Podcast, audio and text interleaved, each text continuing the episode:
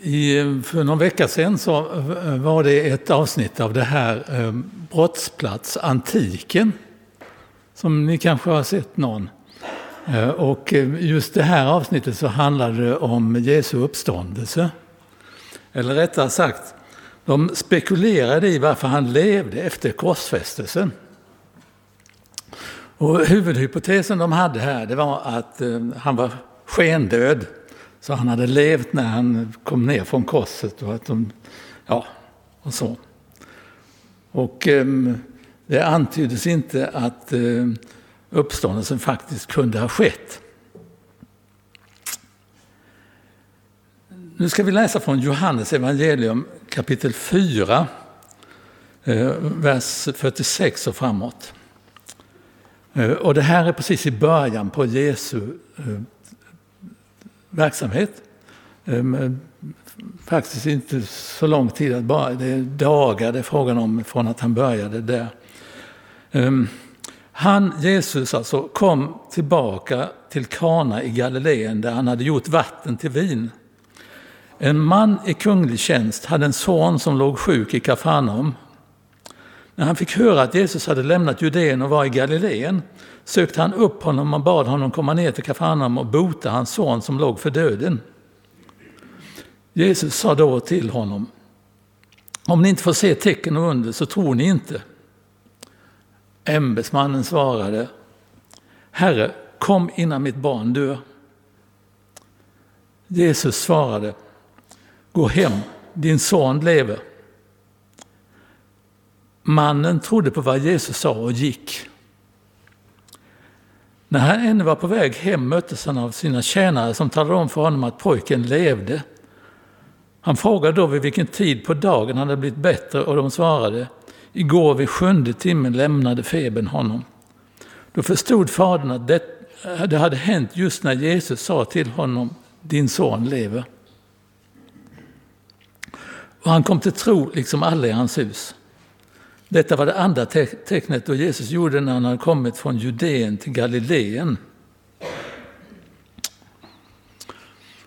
Alltså det, det, här är ju en intressant berättelse. Jesus var ju inte så positiv först till frågan som, eh, eller önskemålet som eh, den här ämbetsmannen hade.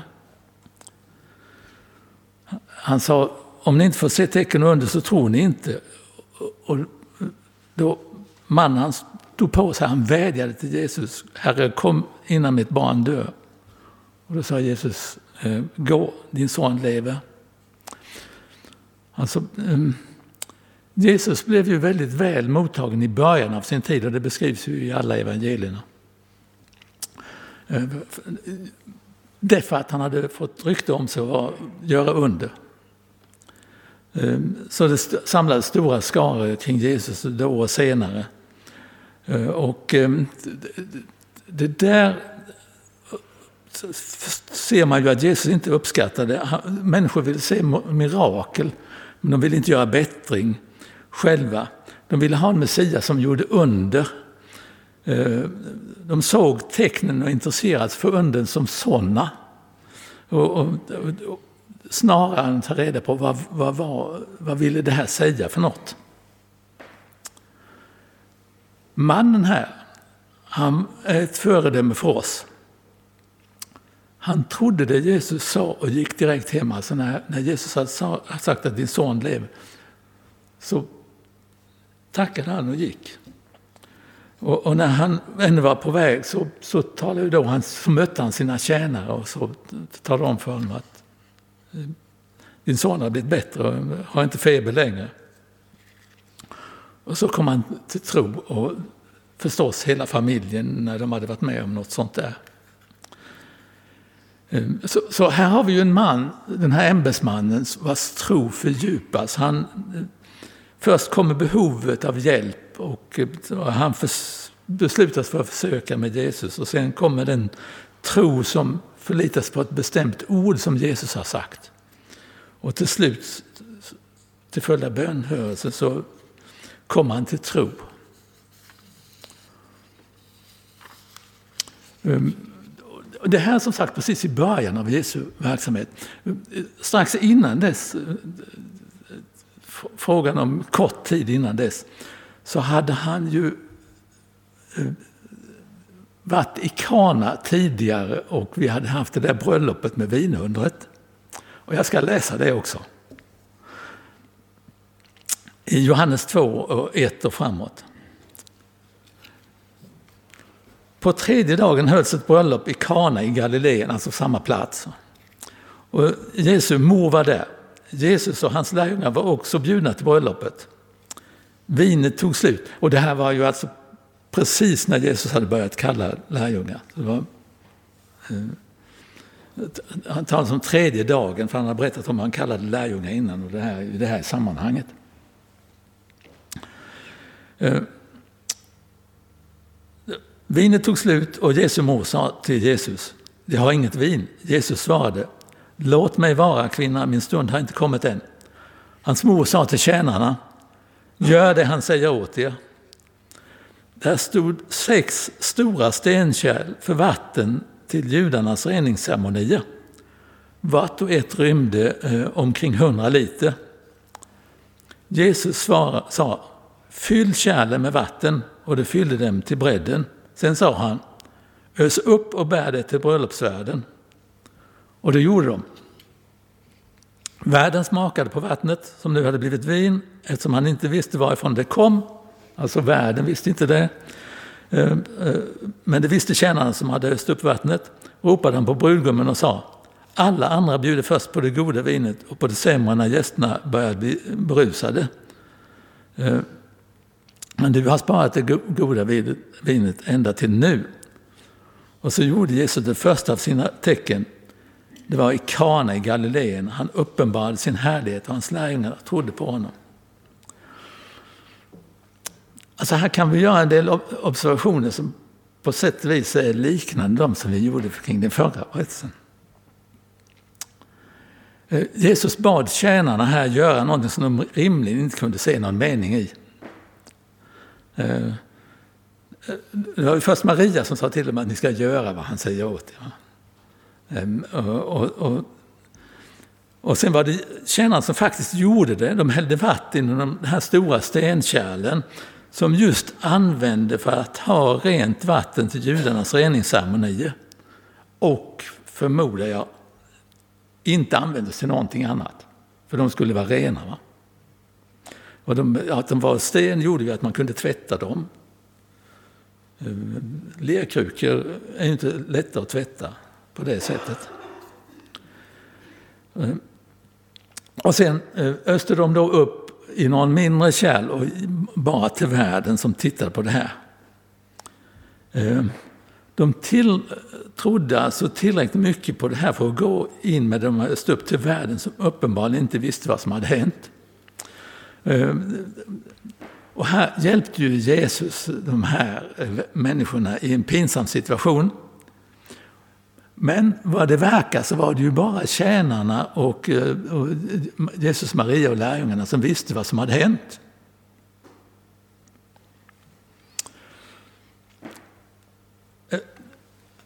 Här, här kan man då tänka på de här stenkrukorna. Tänk er det, stenkrukor som kan rymma 100 liter vatten var, sex stycken. Um, utan rening kunde inte judarna närma sig Gud. Um, så de här stenkrukorna stod där som en påminnelse om det gamla förbundet där man sökte rening för sina synder. Men plötsligt så fanns det istället för vatten högklassigt vin i de här krukorna. Ehm, Jesus verkar säga här att han öppnar för en ny väg till rening. Det är inte längre vatten och vissa ceremonier som gör människor rena inför Gud. Det är Jesus som gör människor rena inför Gud.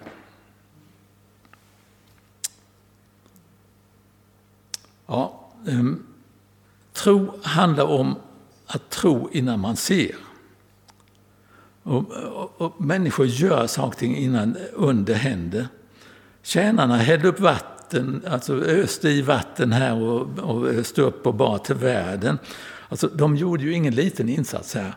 Sammanlagt 600 liter, alltså 60... Nej, vad säger jag?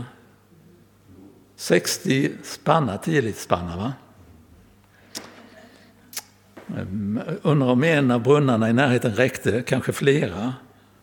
De var en bit ner. Va? De hade varit ganska svettade. Eh, det gjorde de där. Ämbetsmannen, eh, vi läste om förra berättelsen, han tog sig från Kafarnaum till Kana, det är två dagars vandring, 700 höjdmeter högre upp. Eh, han presenterade sitt behov och litade på Jesu ord där. Eh, och det är värt att notera att i bägge de här fallen så, så eh, hjälper Jesus människor utanför lärjungarnas krets. De flesta under som hände var också med människor utanför, eh, eller, utanför eh, Jesu närmaste krets. Va? Lärjungarna fattade vad som hade hänt här. Alltså, de säger att eh, han uppenbarade sin härlighet och hans lärjungar trodde på honom. Alltså när Jesus gör under så finns det alltid ett budskap till oss om vem han är, vad han kan och vad han vill. Som man har anledning att fundera på. I första Mosebok 28, ehm, lite tidigare än det som vi hörde här, så, så eh, står det så här. Jakob lämnade Beersheva och tog vägen mot Haran. Eh, eh, han kom fram till en plats där han stannade för natten eftersom solen hade gått ner. Han tog en av stenarna på platsen för att ha den vid huvudgärden. Sen la han sig att sova där. I drömmen såg han en trappa som ledde från jorden ända upp till himlen och Guds änglar gick upp och ner för den. Och Herren stod framför honom och sa, jag är Herren din fader Abrahams Gud och Isaks Gud. Det här fick Jakob uppleva trots att han inte var Guds bästa barn. Och när Jakob vaknar så säger han, Herren är på denna plats och jag visste det inte.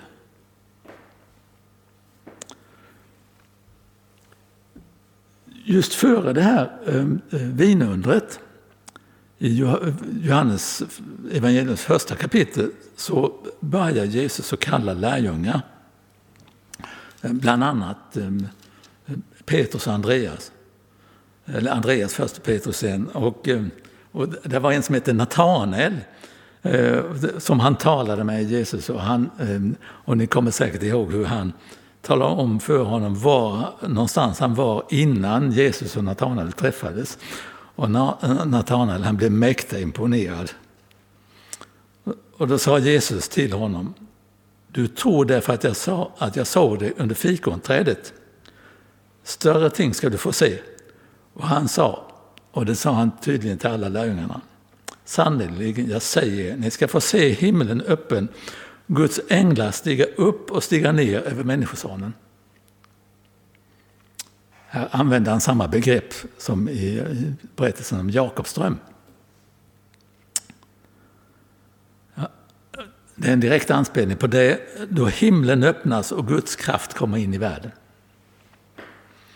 Ehm, det här fick lärjungarna se två gånger i Kana under de första dagarna de var tillsammans med Jesus. Hur himlen öppnades och Guds kraft kom in i världen. Och de fick se det många fler gånger senare. Eh. Jag, jag kan tänka mig att lärjungarna måste ha blivit lika förvånade över det oväntade vinundret som Jakob blev över sin dröm. Eh, vi kan också, tror jag, få vara med om och se himlen öppnas och se Guds kraft. Och då, kommer, då kan vi få bli lika förbluffade som lärjungarna var, var när Jesus gjorde vanligt vatten till vin. Och, och, det kan ju vara flera olika sammanhang. Det kan vara något enkelt sammanhang där vi så att säga bildligt öser upp vatten eh, och det blir, eh, blir vin av det. Eh, det kan vara att man ber för att någon ska bli frisk. Eh, inte alla får vara med om helande under. Eh, eller det kan eh, vara att man är med om någonting av den typen som, som Moses var med om här där han fick se Gud i, i det stora sammanhanget. Alltså oavsett om vi är med om det enkla under vägen där Jesu härlighet framträdde i det lilla eller de helt oerhörda som är fallet med Mose här. Ehm, så kan vi dra samma slutsats som lärjungarna när vi får vara med om något. Jesus uppenbarade sin härlighet och hans lärjungar trodde på honom. Och vi är kallade att vara en länk till Gud, att förmedla ett levande budskap från Gud och se den här kopplingen mellan himlen och den fysiska världen här. Ja, vi tror inte på en religionsgrundare som skendöd snek sig iväg från det här korset för 2000 år sedan och bildade en religion baserad på ett bedrägeri. Eh, vi tror på en Gud som finns och som vi har kontakt med. Och Johannes evangelium har detta med ordet som blir kött som ett centralt tema. Johannes uppmanar oss att tro på ordet som kom i mänsklig gestalt och där himlen verkligen öppnades när Jesus uppstod från döden och steg upp till himlen. Och det sista som Jesus säger i Johannes evangeliet är en mild tillrättavisning till Thomas. Jesus sa till honom, du tror därför att du har sett mig. Saliga är de som inte har sett men ändå tror. Herre, tack för att vi får känna dig. Herre, tack för att du ibland öppnar eh, en kanal mellan himlen och oss.